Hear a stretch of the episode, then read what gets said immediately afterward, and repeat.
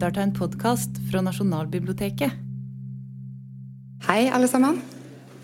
Og velkommen til Nasjonalbiblioteket. Så hyggelig å se så mange her. Vi har gleda oss veldig til den kvelden her.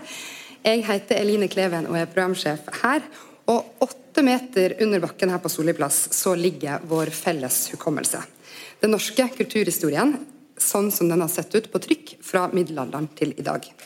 Her blir den passa godt på. Den er trygt bevart i lukka rom og med tunge dører og riktig temperatur og luftfuktighet, sånn at vi kan ta vare på den i minst 1000 år til. Men hukommelsen må jo også bli aktivert. Den må liksom luftes litt den for at den skal virke. Og nå har nysgjerrigperene Aslak Sira Myhre og Erling Sandmo tatt på seg oppgaven om å finne fram noe av det mest, aller mest fantastiske de kan finne i Nasjonalbiblioteket sin samling, og fortelle om det de finner, til alle oss andre. Og I serien Arkivert, som er starta i dag, eh, inviterer det med seg en ekspert hver gang til å spørre om alt det de og vi lurer på om alle de tingene vi ikke visste at fantes, og de tingene vi kanskje har glemt litt. Erling Sandmo han er til daglig professor i historie ved Universitetet i Oslo og forsker to her på Nasjonalbiblioteket. Han er en av de akademikerne som evner å fortelle og formidle historien på en sånn måte at når vi hører på han, så blir vi liksom engasjert i de minste små detaljer om ting som vi ikke ante at vi var interesserte i. Og formidle det har han gjort i en årrekke på TV og radio gjennom foredrag og bokutgivelser. Nå sist gjennom en bokutgivelse som vi ga ut her på Nasjonalbiblioteket og lanserte på tirsdag, om sjømonstre og uhyre. Uhyrlig heter den. Aslak Sira Myhre, sjefen, han har sitt daglige virke her i gangene på Nasjonalbiblioteket som direktør. Han, alle som har møtt Aslak og hørt Aslak noen gang, vet at han har en sånn utømmelig nysgjerrighet på omtrent hva det skulle være. Og jeg vet at han har gleda seg veldig til i kveld, nå når han og Erling sammen med Benedicte Brisås skal finne ut mer om hvordan verden så ut for folk som kom før oss. Så scenen deres, vær så god.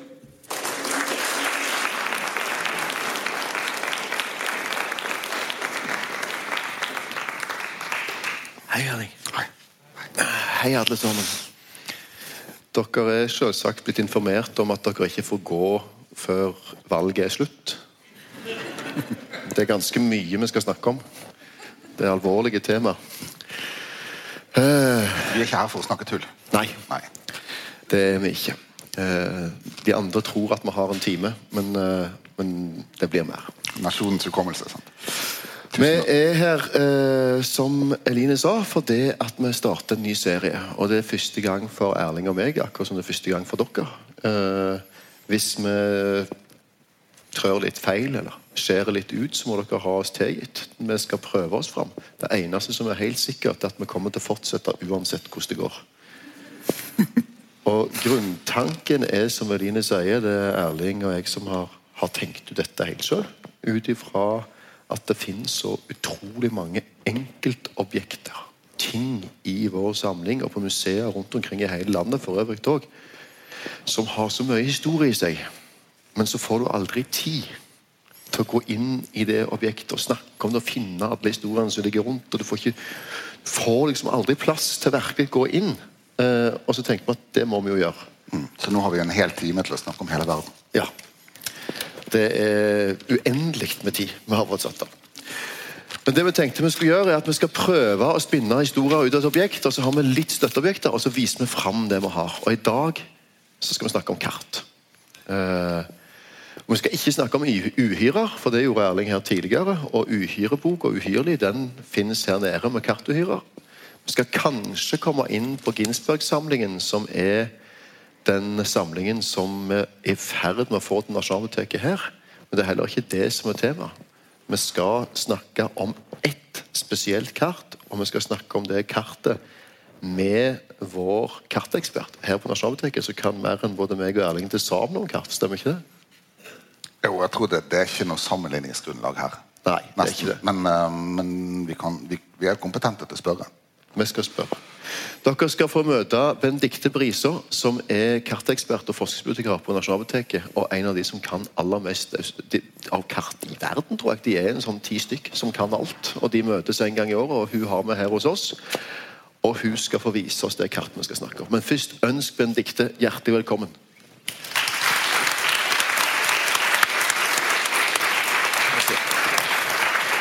Du må inn i midten. Det er du som kan. Takk, takk. Sånn. Og så kan vi få kartet som også ligger i monteret bak. så kan vi kikke på det. Dere skal vi få det opp på skjerm. Klarer vi det? Det klarer vi. Der er det. Dette kartet befinner seg i sin fysiske form akkurat nå i et monter der ute. Normalt sett i sikringsmagasinet vårt her nede. Og da Bendik, må vi starte med å spørre deg hva er det vi ser på? Å, dette er en av mine absolutte favoritter. Ehm, det er Cornelis Diodes verdenskart fra 1593. eh, utgitt i Antwerpen. eh, som var den Altså, det var det største finans- og handelssenteret i Europa på slutten av eh, 1500-tallet. Og det var der altså virket, Byen virket som en magnet på gravører, bokbindere, trykkere, kartutgivere, kartografer. Alle som drev med kunnskapsproduksjon på et eller annet vis. Eh, og Gerhard Diode, Cornelis' far, han var en del av dette. Sønnen hans var en del av dette her. Og kartet er fra et atlas.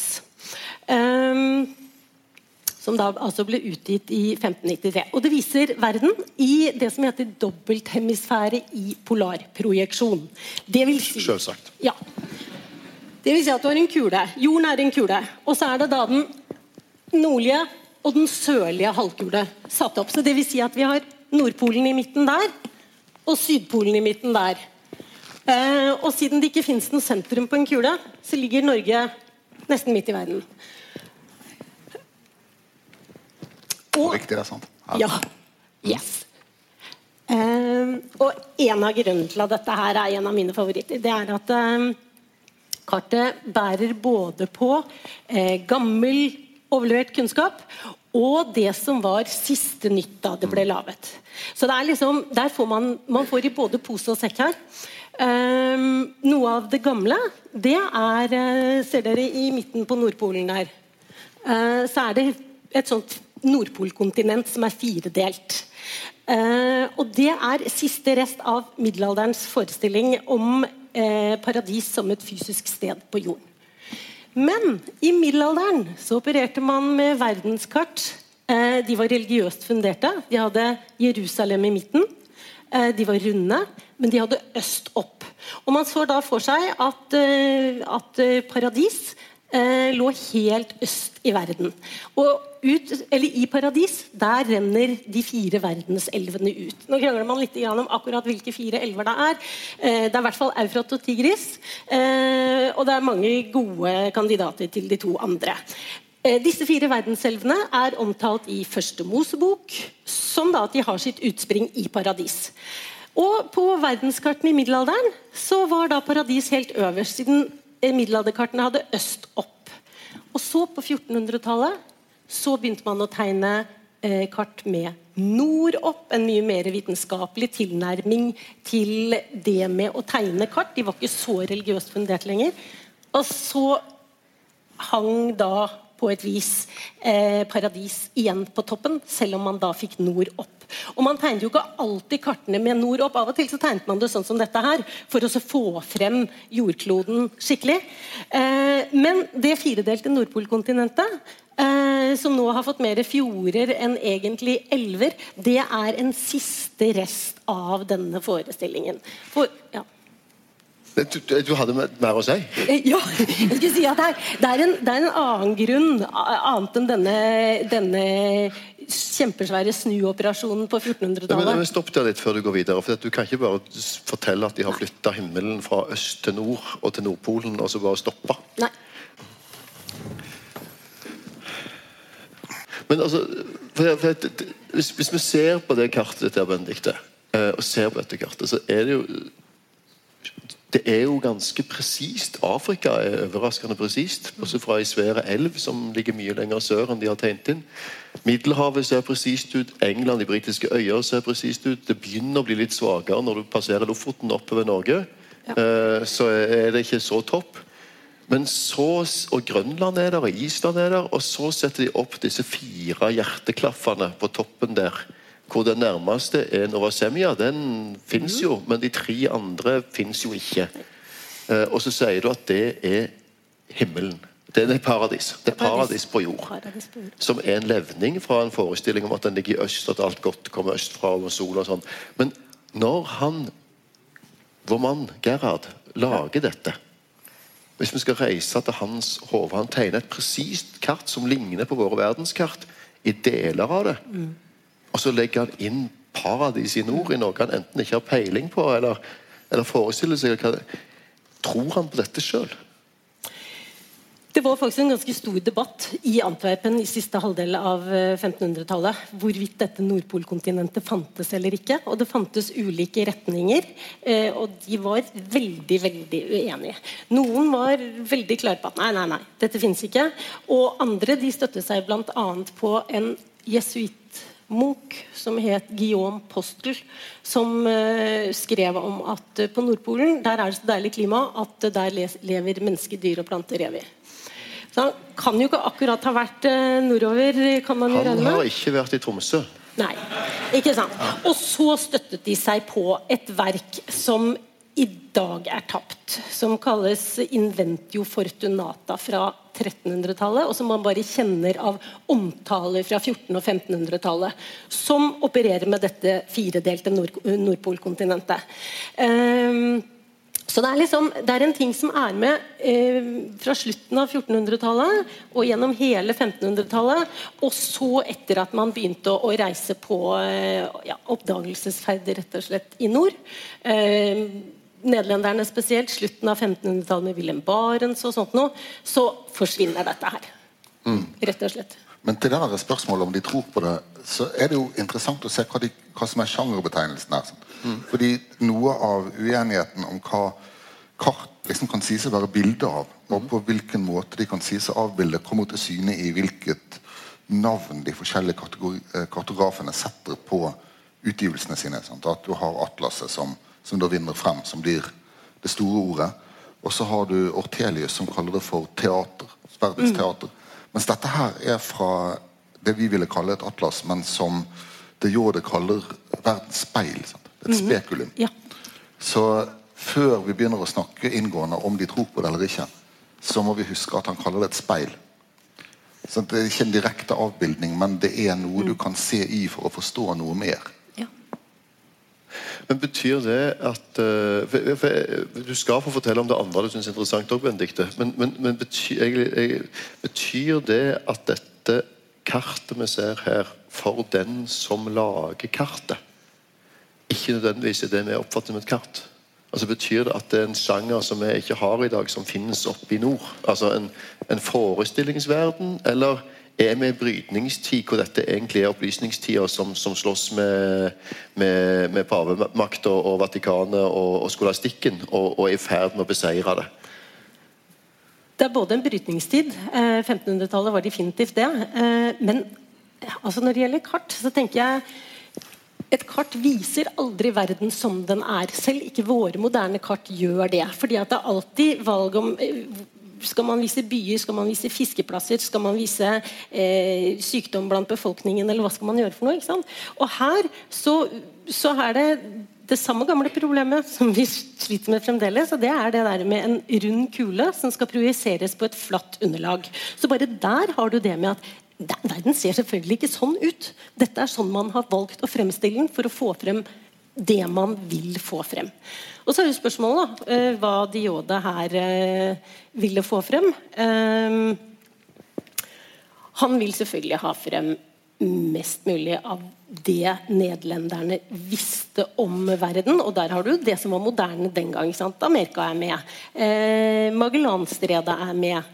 Eh, de stedsnavnene, spesielt langs kysten de kjente til, de er med. Og så har du da dette her oppe i nord, som de da ikke var helt sikre på, som nok delvis eh, dreide seg litt om tro, delvis dreide seg litt om hva har man egentlig funnet ut. Fordi at det på den rosa eh, ned... Hva blir det da? Det blir den nedre høyre delen av det firkløveret der. Den rosa. Ja. Ja. Der står det Novaya Semlia. Eh, og så står det et eller annet med anglais, eh, altså engelskmenn, og 1550. Og det var en ekspedisjon eh, oppover. eh, en engelsk ekspedisjon. Willoughby og jeg husker ikke hva han andre het. Eh, og de regnes som de første som var på Novaya Semla. Man regner med at det var Novaya Semla de var på, men der står det 1550, og de var der i 53. Eh, så det er liksom litt eh, Litt mm. cirka. Men folk fra Sibir hadde jo vært der. Så de som bodde oppi der, de Folk fra Sibir hadde vært med Novaya Semla. Ja. Ja. Og det viser jo også at eh, han eh, Olagby eh, han omkom der oppe. De klarte å komme seg tilbake til Kolahalvøya, og der frøs de i hjel. Eh, men ble funnet senere av russiske handelsmenn. Og dagboken hans den endte da etter hvert opp i England, og det er sånn vi vet at det er. Så dette her er et? Det er jo, det er jo et regnestykke som, som bare så vidt går opp. Sant? En kule har ikke en topp. Nei. Men dette er et bilde av at han har en topp. Ja, Men si. toppen er ikke på toppen. Nei, den er midt i. Den er i midten. Ja. Fordi himmelen er øverst. Sant? Og det er enklere når det er øst, for da kaller vi det oriens, og så er det det man orienterer seg mot. Ja. Så det er topp, verden har en topp i språket. Sant? Når vi snakker om å orientere seg, så er det Ikke sant? Men faktisk allerede Platon eh, diskuterte dette her med hvordan kan man snakke om eh, oppe og nede på en kule. For hva er egentlig opp og nede på en kule? Mm. Ja. Så så jeg mener dette går så deler. langt tilbake. Sånn her har de blitt enige om at nord er opp på siviliserte kart. Ja. Fordi man har kommet dit i karttegningen at nord er jo egentlig, egentlig opp her. Sant? Men det er da eh, verden sett ovenfra. Sant? Ja, det er det her. Ja, her er, På en annen måte enn den er sett At man plasserer seg over toppen på verden og ser ned. Men, men uh, hvis vi da f- går til motsatt ende, da. For denne Nordpolen, som ikke er Nordpolen, men fire kontinenter og, en levning av Jerusalem, eh, nei, av paradis, eh, den har jo sin motsats på Sørpolen. Eh, og der altså Nederlenderne hadde ganske kort vei til Nordpolen. Til Antarktis hadde de veldig lang vei. Veldig. Og det gjenspeiler seg kanskje òg, for dere ser at der er det jo et kjempekontinent som heter Terra Australis. Stemmer det? Ja. Hva er det? Det er eh, altså Terra Australis betyr rett og slett det, det, sørlige, det sørlige land. Eh, vi kaller det jo Antarktis i dag. Eh, så har du Arktis på toppen, og så har du det motsatte, Antiarktis, i bånn. Eh, og man har helt tilbake til antikken operert med at eh, jorden som en kule, ikke sant? og så hadde man en formening om at det var et, stort kontinent på toppen. Eh, man visste ikke helt hva det var. Eh, nå visste at Det er jo en iskappe, men det er jo en annen sak. Eh, men da må det være noe stort i bånn også. fordi at hvis du har noe stort på, og tungt på toppen av en kule, så vil den tippe. Så da må det være noe stort i bånn. Så man opererer da med Arktis og anti-Arktis. Eh, Augustin, kirkefader Augustin på 400-tallet, han snakker om eh, de som eventuelt måtte bo der nede, kaller dem antipoder, og han argumenterer mot det. Fordi han sier at eh, de kan ikke stamme fra Adam. Ehm, fordi at det er umulig å komme seg gjennom den varme sonen på midten. Og da er det jo snakk om Sahara, for så vidt. Og ergo så bor det ingen der nede. Men de kalte dem jo da antipoder. De som da går opp ned. Ehm, og han var da mot det. Men grunnen til at det da er tegnet inn her, er for det første at man alltid hadde operert med at det er et eller annet der nede. Og selvfølgelig hadde det vært sjøfolk som hadde vært ute av kurs. Noen hadde sett noe. Eh, etter hvert så oppdaget man jo at en del av det man hadde sett, kunne seiles rundt. Det var Sør-Georgia, det var Falklandsøyene, det var Ildlandet. Og så er faktisk dette Terra Australis Det henger igjen som navn på dagens Australia. For det tok litt tid før man fant ut at man faktisk kunne seile rundt Australia. Også at det ikke var en del av dette kontinentet man forutsatt i syd. Så det er, det er litt Australia Det er litt Australia. Ja. og litt Antarktis og litt fri fantasi. Ja. Og så er det, eller, ja, jo, men sant? Fri fantasi er jo en ny oppfinnelse. De, de har ikke tror Fantasien er ikke sluppet helt fri ennå. Eh, for det er da Terra Australis incognita. Ja? Så dette her er uoppdaget. Dette vet vi ikke ennå. Sant? Men vi kommer til å vite det. Vi kommer til å vite Det Det er, det er noe av det aller fineste med de gamle kartene. men, Det men, men kan jeg bare spørre deg om ting Benedikt? For, for du snakket om kirkefaderen Augustin på, på 400 etter Ja. Kristus. ikke sant? Eh, Og dette er en periode kristendommen får sin form, Bibelen får sin form, og alt dette fester.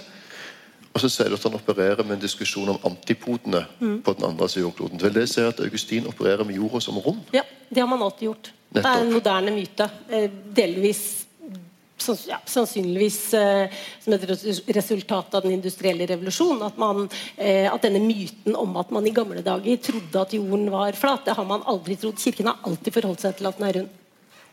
Så kirka har aldri brent noen fordi at de sa at jorda var flat. Kan du dra deg en runde i skoleverket og informere om dette? Har vært rundt et par steder, Ja. men jeg tar gjerne noen runder til. Ja. Ja. Så fordi at det, det det er, det er at det er gjerne en sammenblanding mellom dette er at å, de brente folk fordi at de sa at jorda var rund, eh, resten trodde den var flat, og striden mellom vitenskapen og kirken når det gjelder hvorvidt det er jorden eller solen som er i midten. Eh, fra antikken og frem til eh, Kopernikus 1543 med hans bok, eh, så opererte man med et geosentrisk verdensbilde. Jorden i midten. Jorden som en kule i midten av universet. Viktigste av Guds skaperverk i midten. Og så kom da dette med at nei, det er ikke jorden, det er solen som er i midten. Og det oppfattet kirken som en degradering av Guds skaperverk. Da skulle vi liksom være en planet på lik linje med andre. Og det var ikke noe særlig. Det ville Gud aldri funnet på. Så, eh, så Kopernikus' bok den ble forbudt, og Galileo Galilei eh, snaue 100 år etterpå, utpå 1600-tallet, han hevdet det samme. Fremdeles ikke stuereint, så han fikk eh, livsvarig husarrest og måtte offentlig avsverge teorien om et heliosentrisk verdensbilde, altså helios sol i midten. Så dette her med flat, flat og rund, og det er en sammenblanding med hvorvidt det er jorden eller solen som er i midten. Som sier, men det, men det, jeg synes det er også interessant, for det sier noe ganske vesentlig om tida etterpå. For at vi har da gjort folk mye mye dummere enn det de var. Eh, og latt som at folk da, alle bildene ja, nå, nå tipper vi over kanten av jorda, vi kan ikke seile der. Vikingene skjønte ikke det, for da trodde de tippet over. Alle trodde dette. Men, mens realiteten er at det har ikke funnes folk som har seilt og trodd at jorda var flat samtidig. I Stemmer ikke det? som, hvert fall ikke som vi har noen skriftlige kilder om. Vi vet selvfølgelig ikke hva folk flest trodde, fordi at folk flest var analfabeter. Og de skriver ikke ned hva de tenker. Uh, men man kan jo tenke seg at, uh, at uh, folk flest Altså hva er verden for folk flest? Kanskje verden er et bestemorfang, ikke sant? Eh, En filosof fra ja, Innlandet som sa så. Ikke sant? Ehm, og verden er kanskje gården, bygda, grenda, landsbyen, eh, skogen, fjellet, ørkenen du forholder deg til. Eh, og det er jo først med eh, de store sjøreisene på ja, altså Starte med oppdagelsen av Amerika, 1400- og 1500-tallet, eh, hvor man altså får kontakt med andre siden av jorden. Eh, Så det er jo først da man faktisk eh, er rundt. Før det så altså det er ikke uten grunn det ble kalt Mare Nostrum, altså Middelhavet. Det var det man forholdt seg til i veldig veldig lang tid, og vi var i utkanten av det. Ja. Men du, jeg tror egentlig at jeg, jeg tror at jeg avbrøt deg uh, på et tidspunkt. For du sa at det var en annen ting du syntes var kjekt med dette kartet òg. Ja Um, Jo, Antarktis. Grunnen til at det heter Arktis og Antarktis, det har med astronomi å gjøre. Eh, eh, Arktoi, gresk, betyr bjørn. Eh, stjernebildet eh, storbjørn. Ja. Ja, En del av det er Karlsvognen, og Karlsvognen består av syv stjerner. Hvis dere tenker dere den sånn, så peker den syvende stjernen peker ut Nordstjernen. Eh, så eh, Det er da pekt ut av stjerne nummer syv. Og på kartet her så står det Oceanus septentrionalis, hvis jeg ikke tar helt feil. Eh, omtrent ved Ja, der. Yes. Og sept syv, septentrionalis, det er det latinske ordet for nord. Altså pekt ut av stjerne nummer syv. Og dette med eh, Karlsvognen og Storbjørn, der har du den russiske bjørnen. Og på sånn som Herford-kartet, som er da et middelalderkart fra omtrent år 1300, håndtegnet selvfølgelig, eh, der er det tegnet inn en bjørn i Russland. Så, Og en eh, skiløper i Norge. og en skiløper i Norge. Svenskene har fått en ape. Um, så eh, så eh, bjørnen, Karlsvognen, Nordstjernen, eh, det er da nord. Og så har du Antarktis, som er da det motsatte av det. Jeg tror det var det jeg skulle si.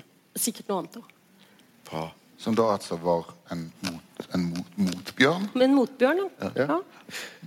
rimeligvis. Men uh, uh, ett spørsmål til. Altså, dette, dette er vi altså i 1593, året 1593, og vi er i Antwerpen, som er senteret for denne vitenskapen.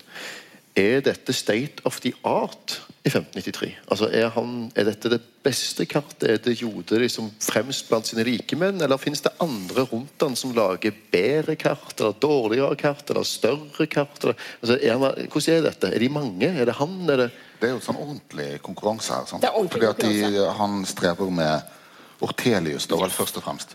Ja? Ja, eh, og han gikk tapende ut av den kampen. Eh, Ortelius er liksom den store atlasutgiveren. Dvs. Si han utga det som vi regner som det første atlas. Før det så var det bøker med kart. Eh, han standardiserte kartene sine. Han satte sidetall, paginerte sidene. Eh, så vi regner Ortelius atlas 1570 eh, og alle utgavene som kom etter det, som det første atlaset. Dioda Diode han eh, trykket og utga faktisk det første verdenskartet til Ortelius i 1564, så de samarbeidet da.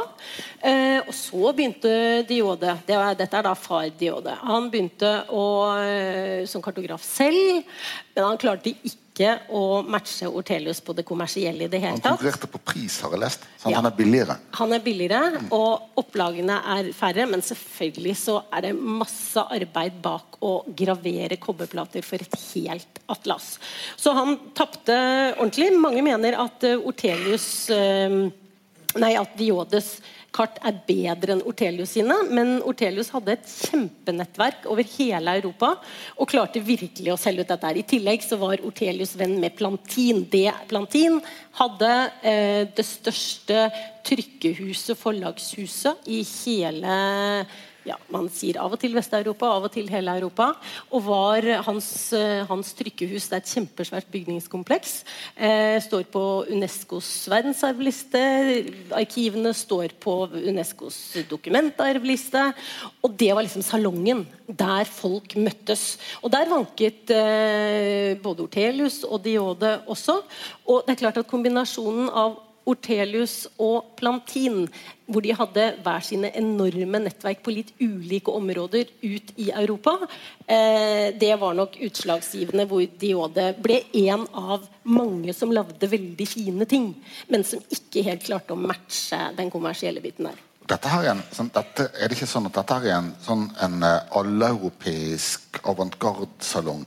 For det er jo ikke da bare geografene og kartografene som vanker her, men også eh, anatomene, f.eks. At Ja. Vesalius, som lager det første, første store læreboken om anatomi, han er jo der. Og de presenterer da sine utforskninger av menneskekroppen i bøker som da kan hete anatomiske atlas. Ja. Eh, Så, det, um, så her så det er så mange disipliner som hører sammen i, i denne tiden her. Og anatomien og geografien er ikke så langt fra hverandre heller. Og de, har, de er kanskje aller nærmest de få årene da man holder på å tegne jordkloden som et hjerte. Ja. Og at du da får anatomiske atlas som ligner på geografi, og så geografiske atlas der verdensdelene blir presentert som kroppsdeler. Og den sentrale kroppsdelen er jo den hjerteformede verden.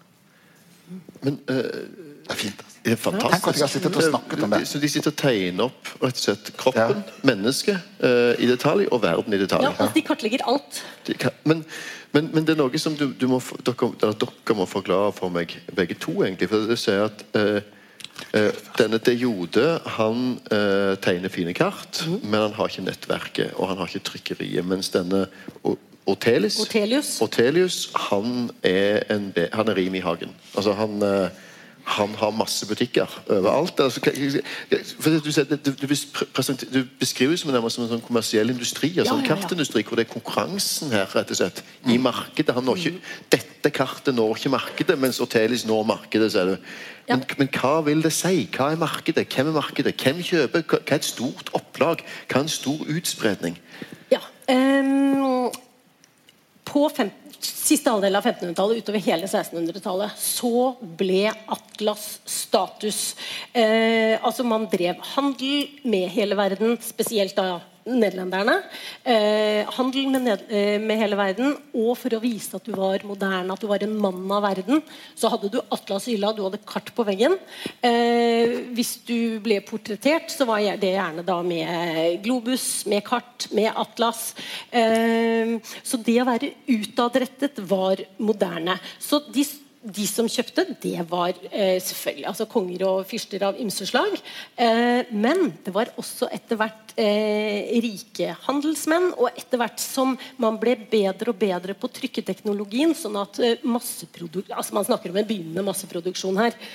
Eh, så var det flere og flere handelsmenn, også her i Kristiania, som kjøpte Atlas eh, og hadde hjemme, rett og slett.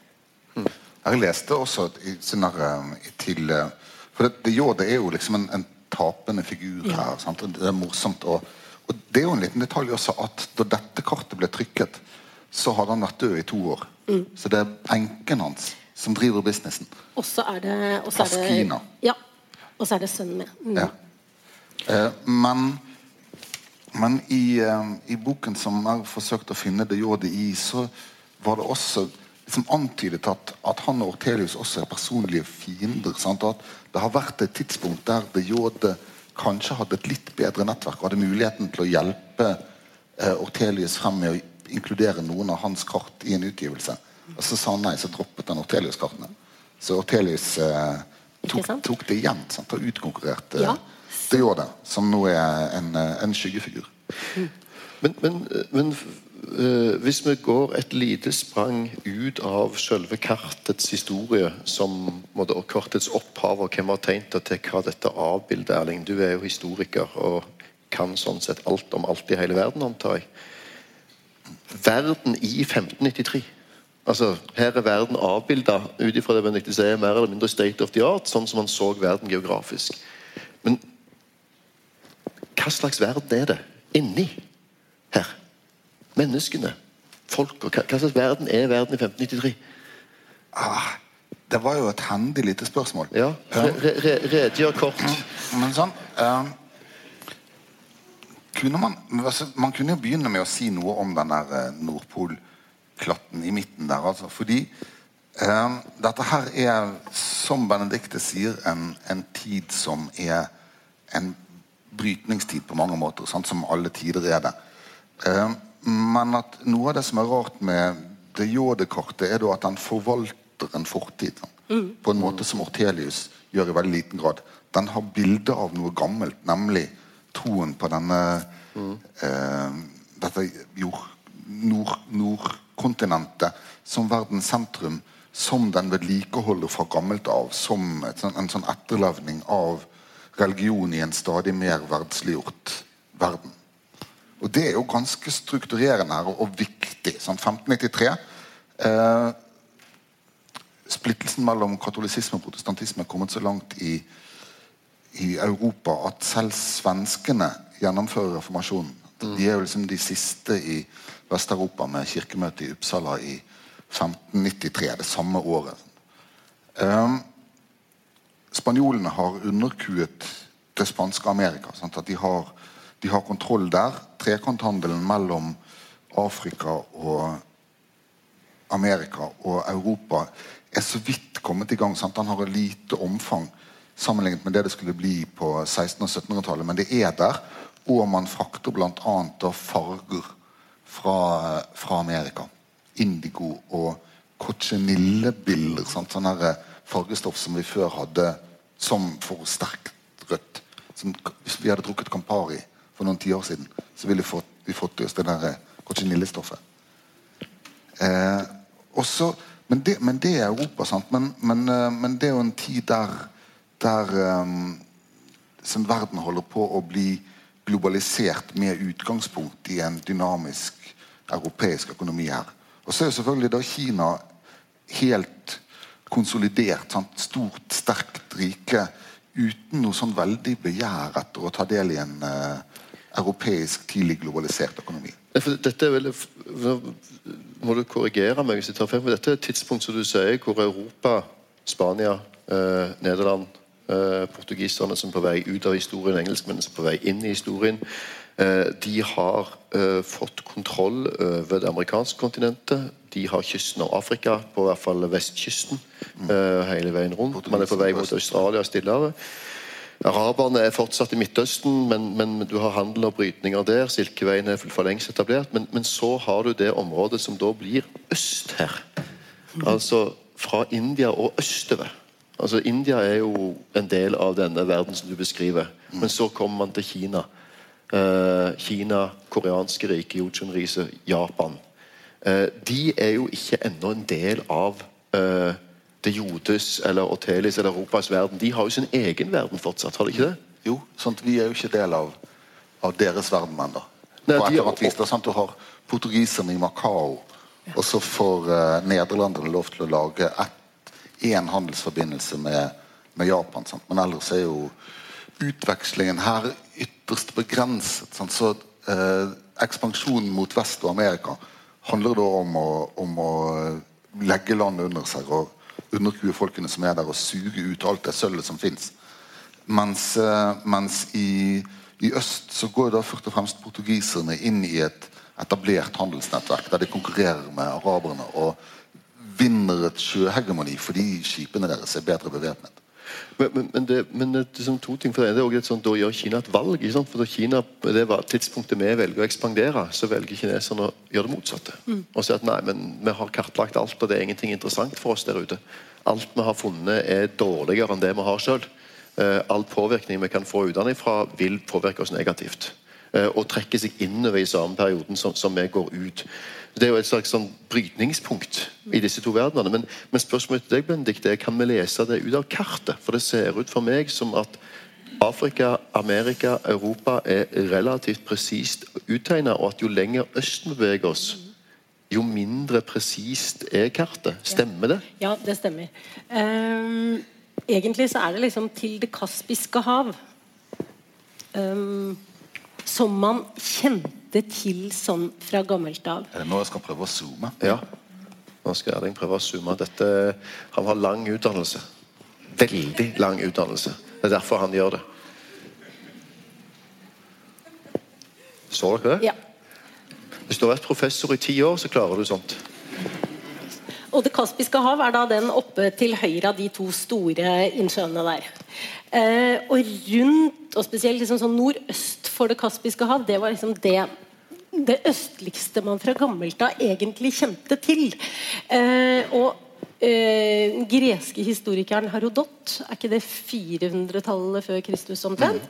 Eh, han snakker da om Skytia, og det er det, om, det er det de kaller områdene der. Og der der må det bo noe som er skrekkelig farlig, det er langt unna oss. Eh, der er det eh, det han eh, beskrev som antropofagi, menneskeetere, kannibaler.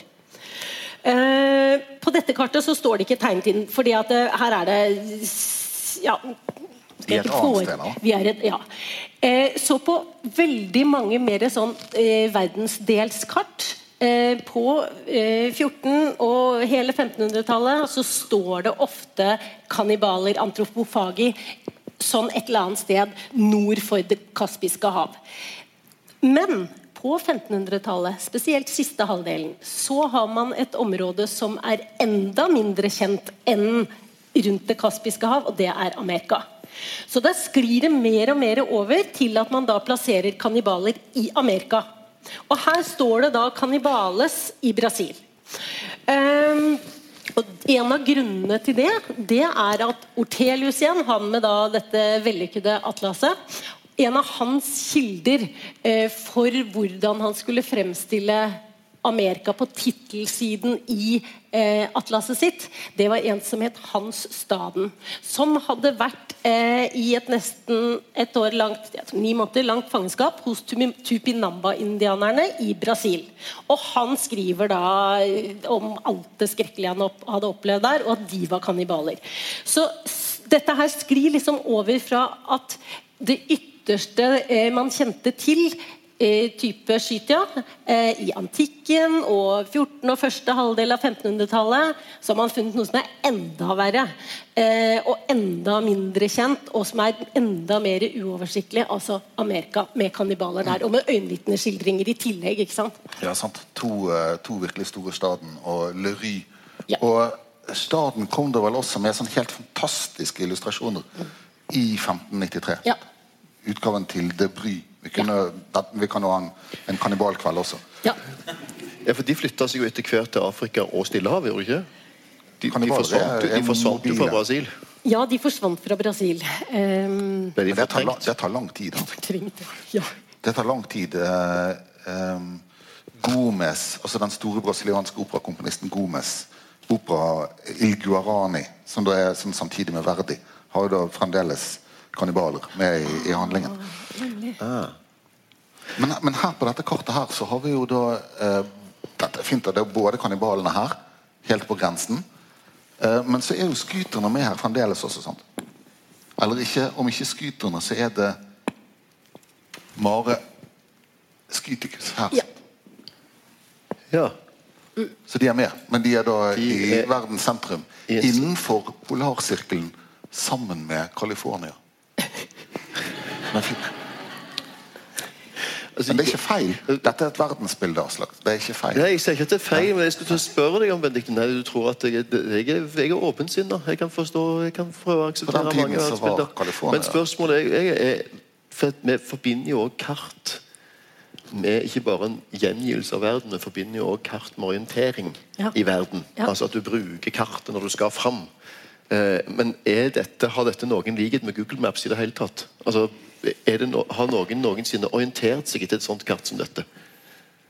Brukte de det til å seile, De til reise? brukte nok ikke et verdenskart som dette her til å seile etter. Dette er et statusobjekt. Det er et rent statusobjekt. Yes. Og de kartene som var funksjonelle, Ja. altså de kartene du brukte som kart, som var redskap Mm. for å orientere seg, er de- dette kartet basert på de, eller ikke? Jo, delvis en del av stedsnavnene er basert på det. Men, men, eh, men eh, brukskartene, sjøkartene, eh, de tidligste vi kjenner av dem, fra 1200-1300-tallet over Middelhavet, kalles portolaner. Porto, havn. Så det er rett og slett eh, altså et havnekart. Og stort sett da så er det stedsnavn tett i tett i tett tett langs kysten. Og det er litt sånn samme funksjon som dagens T-banekart. Eh, neste stasjon er, og det som er til siden, er helt irrelevant. Eh, og det brukte, det brukte de å seile etter. Og Mesteparten av de kartene der de viste jo da Middelhavet og litt oppover Atlanterhavskysten. Eh, men bare noen få ganger så langt nord som til Norge. Vi var ikke akkurat kjerneområdet for de som drev handel i Middelhavet. Nei. Ehm, så, men sånn som et verdenskart som dette her har i seg enkelte elementer, bl.a. at du finner de viktige handelsstedene. Eh, men det er et annet konsept, rett og slett. Og farven her viser Ja. også at dette her, blåfarven viser at det er et eh, statusobjekt, for det at den var ikke rimelig. Um, før man Eller eh, 6000 år tilbake kjenner man til gruver, eh, lapis lazuli-gruver i Afghanistan. Og av lapis lazuli-steinen, brukes som smykkestein i dag, så eh, laget man eh, farvepigmentene, farven ultramarin. Det er denne her. Og den er en sånn litt transparent, ofte midnattsblå.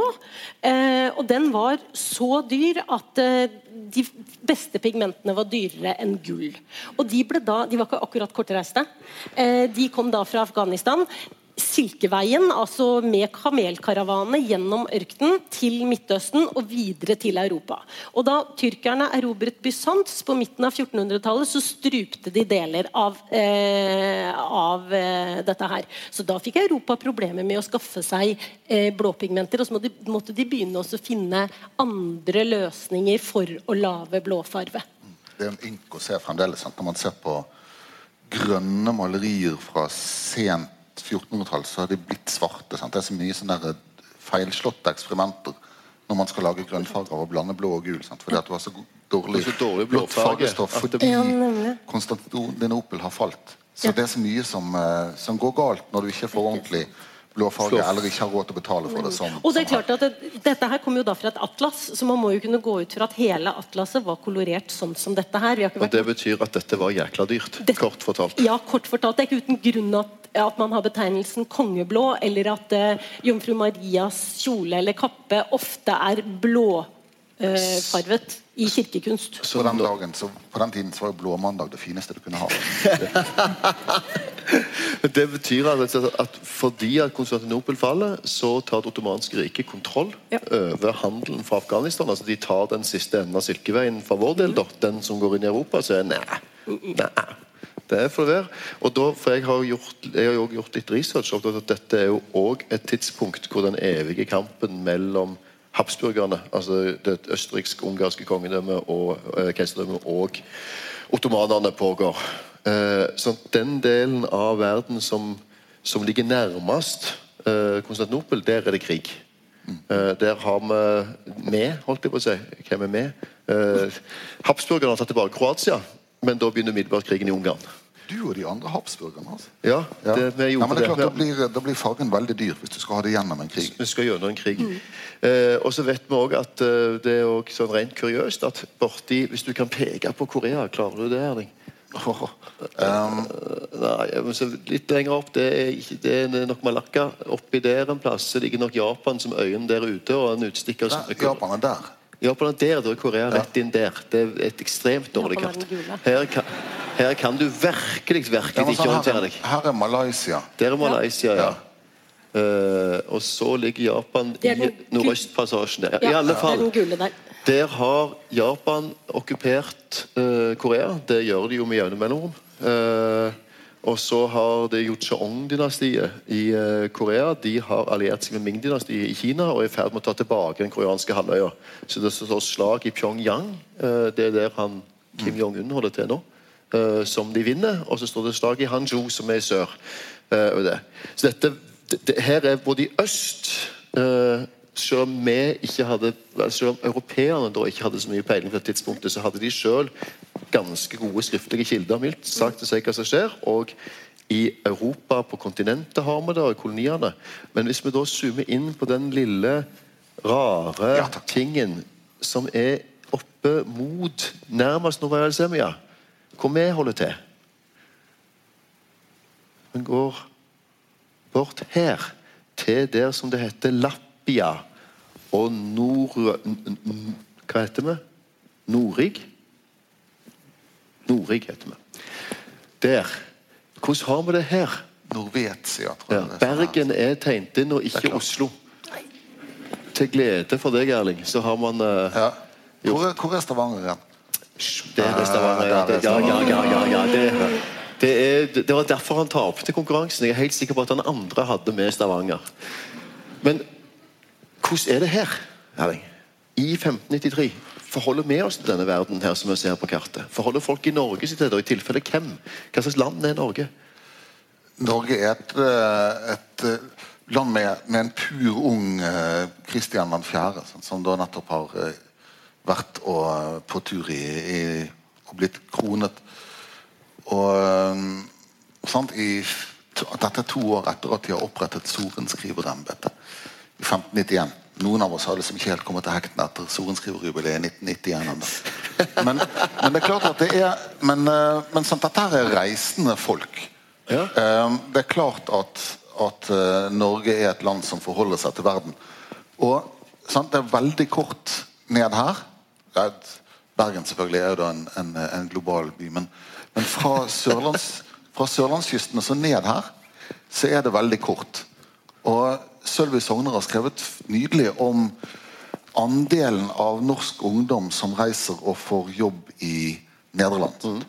Og at på 1600-tallet i hvert fall, så er jo da nordmennene en veldig viktig del av mannskapet som bemanner nederlandske skip. Og ikke minst de som seiler til, til Østen for å handle. Eh, slutten av 1500-tallet er det tidlig her. altså. Sant? De ostindiske kompaniene er jo ikke etablert ennå. Men, eh, men folk i Norge reiser. Eh, den veldig sånn, intense kontakten med den lærde kulturen har jo alltid vært selektiv. Sant? Du har eh, miljøet rundt, rundt domkirkene. katedralskolene som er, som er lærde. Sant? Men, eh, men ellers er det vel eh, Det er klart ytterst selektivt, men som alle steder. Hvem det er som har eh, de store kontaktene. Men sant? Det, er ikke, det er ikke langt til Tycho Brahe heller. Nei, og veldig mange av dem Altså mange norske lærde eh, biskoper, sønnene av dem, eh, ble sendt rett og slett i lære hos Tycho Brahe på observatoriet hans på Ven. Eh, dansk øy. Eh, på 1590-tallet. Eh, sønnen til biskop Jens Nilsen ble sendt dit, annet. Og vi vet at eh, eh, flere andre nordmenn var nedover tilbrakte tid der og var en del av miljøet der, som rett og slett var en litt sånn eh, avlegger eh, av Universitetet i København, og som faktisk ble så viktig etter hvert at eh, universitetet la det ned. Kunne ikke ha den Mm. Ja, det konkurransen der. forstår jeg godt. Så, så, så vi, lytte. Deler av Norge deltok definitivt i, eh, i miljøer som diskuterte alt fra geosentrisk og heliosentrisk verdensbilde til reformasjonen. Vi vet bl.a. at hos Tycho Brahe så var det folk fra begge sider i begge de to debattene. Og midt oppi dette her så var det da unggutter på tur for å lære. Norske unggutter. Ja. Ja. Og det, det mest, mest spektakulære kartet over Norden fra 1500-tallet, Olaus Magnus' kart, er det laget av en, en eksilsvenske som reiste fra Stockholm til eh, Gdansk, Venezia og Roma og utbredte kunnskap om Nordens geografi med et kart som er fryktelig mye mer detaljert og nøyaktig enn en enn dette. Men dette er jo også sånn sett eh, et kart som viser hvor begrenset kunnskapssirkulasjonen likevel var. Sant? At du hadde allerede kart over Norden som var veldig mye mer presis enn dette. Men det interesserte ikke de Jode. Men var de i ulike sirkler? Fordi at uh, Olaus Magnus, som jo da drar Han drar jo ikke nødvendigvis frivillig. Altså, han drar jo fordi at han er katolikk eh, og, og tilhører på en måte det katolske eh, nærmest eh, teologiske adelsstanden i Nord-Europa. Og Sverige, som du nevnte, er på vei mot å fullføre reformasjonen sin. Så han ender jo opp i eksil så vidt jeg vet, nede i Vatikanet og skriver om det landet han ikke kan dra tilbake til fordi at der eh, er katolikker blitt forbudt. Eh, Mens de, Oda- de i Antwerpen de er jo et senter for protestantene og også for ekstremprotestantene. Eh, altså virkelig de som er så protestantiske at dagens muslimer ville framstå som, som rene spake lam i forhold til, til, til hvor protestantisk dette her Ja, faktisk er. ja.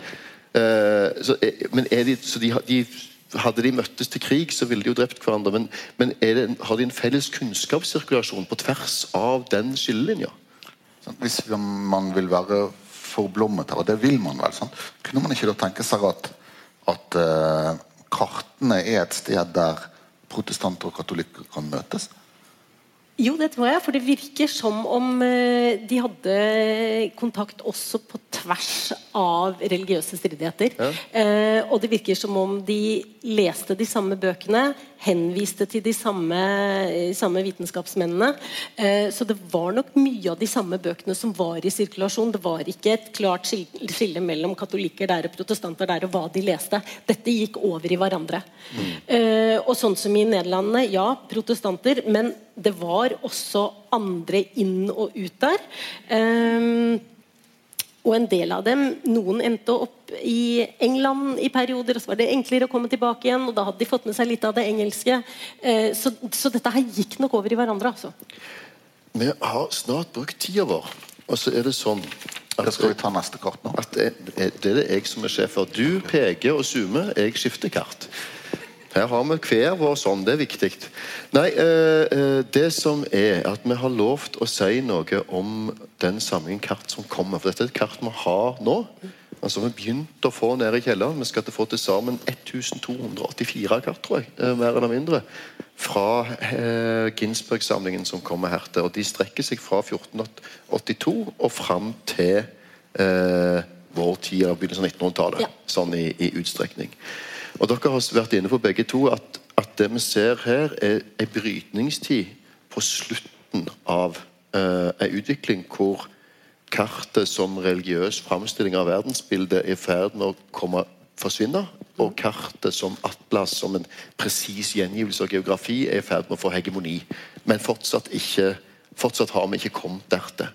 Eh, og Da tenkte jeg at vi skulle prøve å vise med det siste kart, det andre kartet vi skal vise, som kommer fra Ginsberg-samlingen, og som er det andre monteret bak der, hvor fort dette gikk. For vi skal jo ikke zoome mer enn 50 år tilbake i tid. stemmer det? Hvor langt er det vi går? Vi skal tilbake til 14 Ja, altså vi skal tilbake til 1540. Ja, Ja. Og i 1540 så ser det sånn ut. Men Hva er dette? dette her er eh, Og nå må jeg liksom ta litt sats eh, og starte litt lenger bak. Eh, geografen Tolemaios levde i det andre århundret etter Kristus i Alexandria i Nord-Afrika. Han jobbet ved biblioteket der, og han skrev en bok som heter Geografia. Det er rett og slett et læreverk i hvordan tegne kart. Det var bare det at uh, Tolemaios verk eh, det endte opp i Øst-Romerriket, dvs. Si Bysants. Det endte opp i, ikke opp i Vest-Romerriket, dvs. Si Europa. Så for Europas del så gikk den greske geografiske vitenskapelige arven den gikk i glemmeboka. Eh, og så i forkant av da at, eh, at eh, tyrkerne erobret Bysants i eh, 1453, så hadde det vært urolig veldig lenge. Og På slutten av 1300-tallet og tidlig 1400-tallet så kom det ganske mange mennesker flyktende fra øst mot vest, dvs. Si inn i Europa. Og de hadde med seg avskrifter av avskrifter av Ptolemaios verk Geografia, som da hadde vært oppbevart i bysantinske klostre.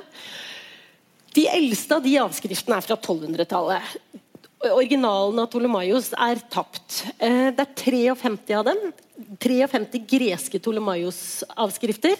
Eh, Det er bare 16 av dem som inneholder kart. Og nå kan man si at eh, eh, vi vet ikke. Kan ikke si helt sikkert at eh, Ptolemaios original inneholdt kart, fordi at vi har den jo ikke. Men altså, man må jo kanskje kunne gå ut fra at et læreverk i hvordan du skal tegne kart, inneholder kart. La oss, Så la oss si la, oss, det. la oss tenke oss det. Ja, ikke sant. Og eh, grekerne opererte med at nord er opp. Så der er det den snuoperasjonen eh, fra å ha øst opp på middelalderkartene til å ha nord opp. Og det er rett og slett fordi at Grekerne de hadde en vitenskapelig tilnærming til hvordan man tegnet kart. De hadde ikke en religiøs tilnærming. Eh, og Eh, hvis man tenker seg jordkloden, så er jo jordaksen som jorden snurrer rundt. Det er hvis man tar en strikkepinne og stikker gjennom en appelsin og snurrer rundt. Der har du Nordpolen og Sydpolen. Eh, det var naturlig for dem å ta utgangspunkt i når man tegnet kart. Altså med nord opp. For dem så var øst bare en himmelretning. Eh, Men kristendommen var ikke kommet ennå. oppe i virkeligheten? Det syns jeg. Ja. Så da, eh, På 1400-tallet så gjenoppdaget rett og slett eh, Europa Ptolemaios. Eh, og hans verk, disse avskriftene fra 1200-tallet, disse 53, de ble da skrevet av av Europas leide, oversatt til latin, selvfølgelig, fra gresk til latin. Eh, og etter hvert som trykkekunsten ble oppfunnet, så ble boken med kart utgitt i trykket form. Og i mange utgaver utover Jeg tror de siste kommer på langt, langt ut på 1600-tallet. Eh, en av de som gjorde det, var Sebastian Münster. Eh, Førsteutgaven av hans utgivelse av Ptolemaios geografia kom i 1540. Det er den som ligger bak der. Og her har vi da slått opp på verdenskartet som beskrevet av Ptolemaios. Eh, Sånn, så dette her er sånn, Hvis du nå rent hypotetisk skulle spørre om man trodde at verden så sånn ut i, i 1540, så er svaret åpent. For dette her er et bilde av karthistorie. Ja, det er det. For de var fullt klar over at dette her er jo eh, nesten altså 1300 år gammelt, men allikevel så var det da det kom på 1400-tallet, det beste de hadde. Man gikk i løpet av 1400-tallet kjapt over fra å da tegne øst opp og Jerusalem i midten, til å tegne sånn som dette her. Eh, og Samtidig så hadde man jo da oppdagelsen av Amerika, så man var fullt klar over at eh, det er ting som ikke er med hos Ptolemaios her. fordi at Grekerne de kjente da til eh, Fra Kanariøyene var vestligste de kjente til. Eh, og til Kina i øst. Og i sør eh, det står Den øya nede til høyre der, Taprobana, det er Sri Lanka. Eh, også sånn omtrent til eh, Sahara, for man kommer jo ikke gjennom der. Og så opererer han med et sånt eh, kontinent i syd. Og i nord så kjente grekerne til eh, Danmark. eh, Skåne, eh, men ikke Norge og liksom nordlige Skandinavia i det hele tatt. Men det kjente man jo til på 1500-tallet. Så dette her er en modifisert Ptolemaios-versjon, siden vi da har fått med, som dere ser, øverst hvor det står septentrionaia, septentrio regiones, er det det det Ja, står? ja, ja. Så altså de nordlige regioner. Så en modifisert utgave hvor vi er med. Uh, For de har bygget ut uh, De har bygget ut. Bygg, laget et lite påbygg, et Ja, vi vi er utenfor rammen. til uh, men vi er med. Her er det folk likevel. Men, men, Ja. men, men, men det vil da si at vet, Münster gir ut dette 50 år før det kartet vi har Ja. sett sist. Og så sier dere, hvis jeg forstår dere riktig, at han visste at verden ikke så sånn ut. Ja. Men så sier dere at han hadde ikke noe bedre alternativ. På siden foran så er det et moderne kart. Et moderne verdenskart. Nettopp. det var litt vanskelig å få oppslag på Nettopp. to sider når vi skulle stille den ut der. Eh, hvor det er litt sånn som vi har på innersiden av permer i dagens atlas, hvor du har hele jordkloden, men den er brettet ut og litt flattrykt, men du ser hele jorden. Eh, og vi vet jo også at Det er ikke sånn det ser ut, for du kan ikke se baksiden, men man har da gjort noen litt smarte grafiske grep for å få frem det hele. Og det har, eh, det har Münster på siden foran. Og her viser han hvordan det var eh, av Ptolemaios. Men hvorfor gjør han da, hvis han allerede har et kart foran der, eh, hvor han har tegnet verden sånn som jeg tror han ser ut nå, og så er det her sånn som Ptolemaios så ut, men så tenker han samtidig Nja, men Ptolemaios fikk jo ikke med seg Norge. Eller ok, de nordlige regionene, da, Ja. men Norge. Det må vi ta med. For han tar jo ikke inn Amerika, han tar ikke inn Norge. altså, hva- Hva er det som driver de til å tegne inn akkurat disse områdene her? Ptolemaios ble en sånn autoritet i løpet av 1400-tallet. fordi at da var det så veldig mye bedre enn det man var vant til å ha. Eh, at det hang med veldig veldig lenge etterpå. Selv lenge etter at man var fullt klar over at dette her er fullstendig utdatert. Men dette her sånn, er, er, det, det er jo et, et helt supert spørsmål. sånn. Ja, forklar. Hvorfor? hvorfor uh, Ja. ja, for jeg, jeg vet ikke ordentlig. Sånn, dette her er jo dette her er et, et, et bilde av Sånn tenkte vi før. Sånn. Og det er morsomt fordi at dette her er 1540, da vi kanskje egentlig er tilbøyelig til å mene at folk ikke er så veldig opptatt av historie. Og at den der med 'sånn var det før' og 'sånn er det nå' eh, er ikke noe vi ser så veldig mange andre steder i intellektuell debatt på den tiden. Sant? At man er opptatt av fortidens samtidighet, men her sånn var det før.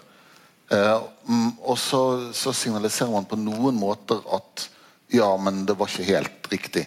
Og den ene er da at de har 180 grader, sånn, sånn at du skjønner For det er da 180, og så er det 180 her. sant? Så det er 180 grader til på baksiden. Eh, men, men det der altså, for, sånn, Hvorfor skal han ha med det? Hvorfor skal du rette på på Ptolemaios akkurat på den nordlige? Det er jo, bor jo bare tullebukker oppi der allikevel. Er det f Ja? Altså, men, nå må jeg, hvis du skal spekulere for det, det ene kan jo være at man tenker som så at uh, Ptolemaios er en så stor autoritet, og dette er vårt kontinent, det er vårt hjemland, det er kjent område. Vi kan ikke la han ta feil der. Altså, vi må, på en han må ha, altså at, at du på en måte vil at autoriteten skal være litt bedre. Eh, og, og det er jo det europeiske kontinentet i den graden. Vi er jo ikke et kontinent, vi er jo Vest-Asia, men, men teoretisk sett da, Ja.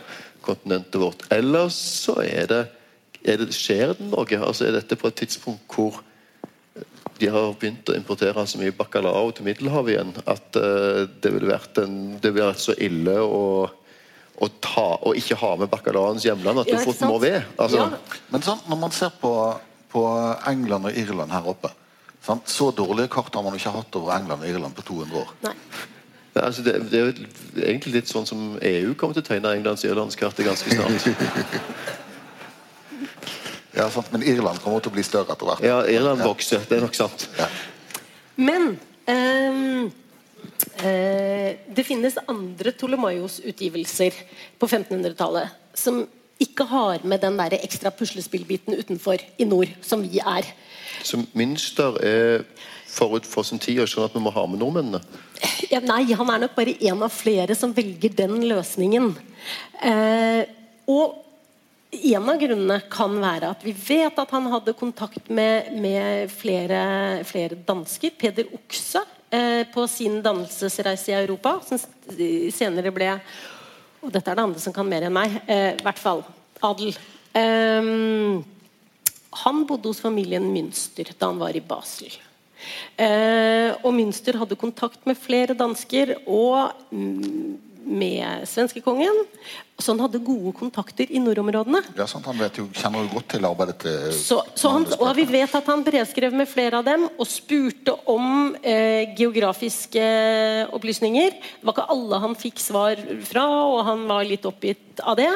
Eh, men så hører det også med her at eh, en Ptolemaios-utgivelse som kom i 1482. altså Dette er 1540. I 1482. Ulm i Syd-Tyskland. Der er det med seks såkalte tabula nova. Nye tavler.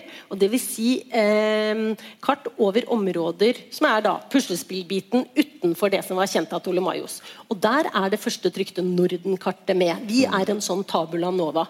Og Det Münster har gjort her, er at han har inkorporert det kartet, riktignok veldig veldig, veldig skjematisk, i verdenskartet her. Og Det ser vi hos flere andre også, men ikke hos alle. Mm. Det kan kanskje også da, hvis jeg skal gjøre det prosaisk, være så enkelt som at hvis han skulle ha tegnet inn Amerika her, så ville han måtte om, tegne om hele Ptolemaios, men der oppe i nord var det plass til å tegne inn det. Det, det, gikk an. Det var ikke noe der fra før. Ikke sant. Lettere å få det til. Ja, ja. Ja.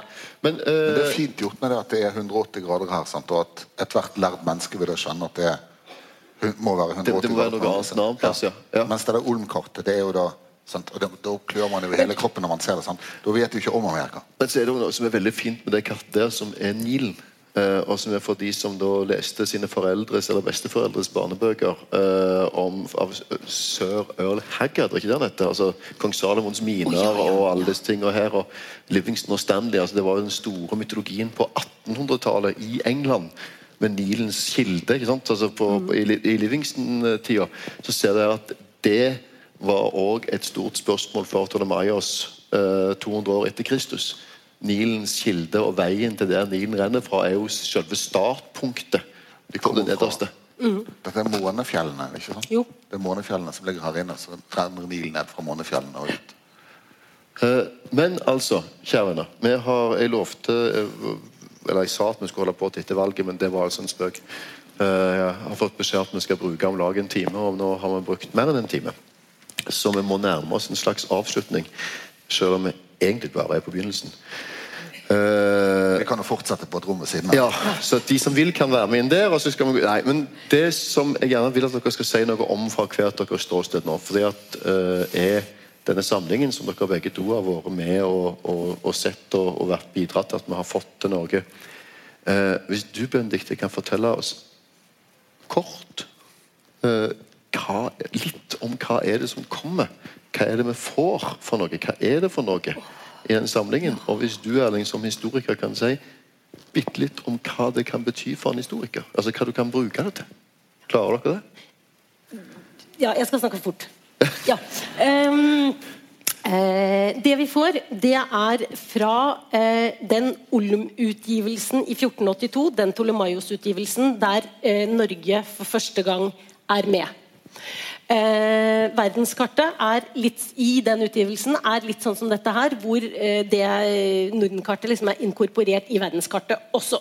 Det får vi, og derfra og videre fremover ut 1800-tallet, litt inn på 1900-tallet, så får vi da altså det som eh, Ginsberg har klart å oppdrive gjennom 35 års samling av kart over Norge. Eh, og det er ikke bare det at eh, det er kart over Norge, men disse kartutgiverne tidligere de omgraverte platene sine når de fant ut at oi, Oslofjorden, eh, der er Nesoddlandet, Bunnefjorden, ned der. Eh, det hadde ikke vi med. Og Så pusset de på platene, og så graverte de inn det eh, i neste utgave. Og så har du den franske utgaven av dette her, med noen ekstra opplysninger på baksiden av kartet. Og han har da samlet på alt sammen, hele veien. Eh, sånn at eh, vi nå rett og slett kan følge historien i hva eh, resten av verden og vi selv eh, kan om Norge. Følge norgeshistorien fra utgave til utgave. Der ligger ofte historien mellom utgavene. Hvor du da kan følge alt helt fra 1482 og ut 1800-tallet. Så det er ikke bare sånn at når noen som Ortelis eller eh, de, de, de gir ut et atlas, så har vi et utgave av det atlaset, men vi har hver gang de gjorde en endring Ja. i atlaset, så har vi den utgaven òg. Yes. Stemmer ikke det? Jo, det er akkurat det. Og i tillegg Fins det noe lignende i verden? Nei, det fins ikke noe lignende i verden. Og I tillegg så har jo han da også gjort noe som eh, institusjoner ikke har muligheten til å gjøre. Og det er at når det dukker opp et eksemplar på markedet av et kart han har, men som er i penere forfatning, så har han solgt sitt eget og kjøpt det. Så han har jo striglet samlingen sin på en måte som vi ikke har mulighet til å gjøre. fordi at hvis vi har det kartet, uansett hvor dårlig forfatning det er, så går vi ikke og kjøper et likt et. Men det har han da altså gjort. Så det vil si at disse kartene er i utrolig bra stand. Eh, og alle de utgavene han har klart å få tak i Han har selvfølgelig ikke alt. Eh, vi har ting han ikke har. Så hans samling, sammen med vår, vil være den beste over Norge og nordområdene noensinne. Hva betyr det, Erling? Mm, Jeg er enig med Benedicte. Også, men, men sånn, også det der um, sånn, Det gir jo muligheten til å, å holde på å stille spørsmålet om hva er dette kartet et bilde av? På hvilken måte avbilder det? Hvilke konvensjoner og kompleksiteter og sånne paradokser er det som det inneholder? Altså Alle de her anledningene til å se sånne knuter som Hvorfor er, er de nordlige områdene rettet inn i kartet til Tolemaios? Hva er det egentlig som er opp og ned på det jordekartet? Hvordan vil de der eh, spørsmålene som handler om tid og verdensbilder og former for undring og begjær etter territorier og grenser komme til syne samtidig som det forandrer seg langsomt i pakt med verdensbilder og politiske interesser. At alt det andre som kartet er, kan vi da studere på, på nærmere hold enn man kan gjøre ja, kanskje ikke med noe annet område i verden. Nei, jeg tror faktisk ikke det. Det er såpass. Det er såpass. Sant? Så den fineste Det er jo, det er jo flott, ikke det? Den fineste altså, Hvis, hvis da kartene er uh, det historiske selvportrettet her, så er det beste selvportrettet her oppe. Hvor? Der. Er oss. Ja. Det er vi som har det. Så dette, dette er hevn for dette bildet. Nå er det vi som vet mest om kart og oss sjøl. Eller kan vite det. Når vi bare har sittet og forsket på dette i et Ja, Du er glad i tiår. tusenårsperspektiver? Ja. ikke det? Ja. Tusen år. Det, Tusen år det er nok arbeid for tusen år. Og De kartene de har vi ikke bare fått, men vi har også lovt både Ginsberg, som har samla de, og Sparebankstiftelsen, som har kjøpt de til oss, at vi skal vise de fram. Så vi skal etablere i løpet av neste år et kartsenter hvor kartene vil være tilgjengelige og mulige å se. Eh, ikke bare de som er på utstilling, men òg store mengder av de andre kartbladene.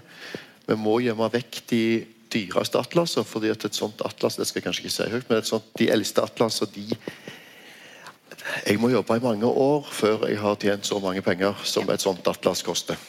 Eh, så de kan noen finne på å ta med seg og betale lunsjen for den dagen. Men alt det andre vil vi vise fram og gjøre tilgjengelig til og skal etablere. Og med det så må vi slutte dagens samtale om kart. Så vil jeg si tusen takk til Benedicte Briser, som har kommet her hos oss.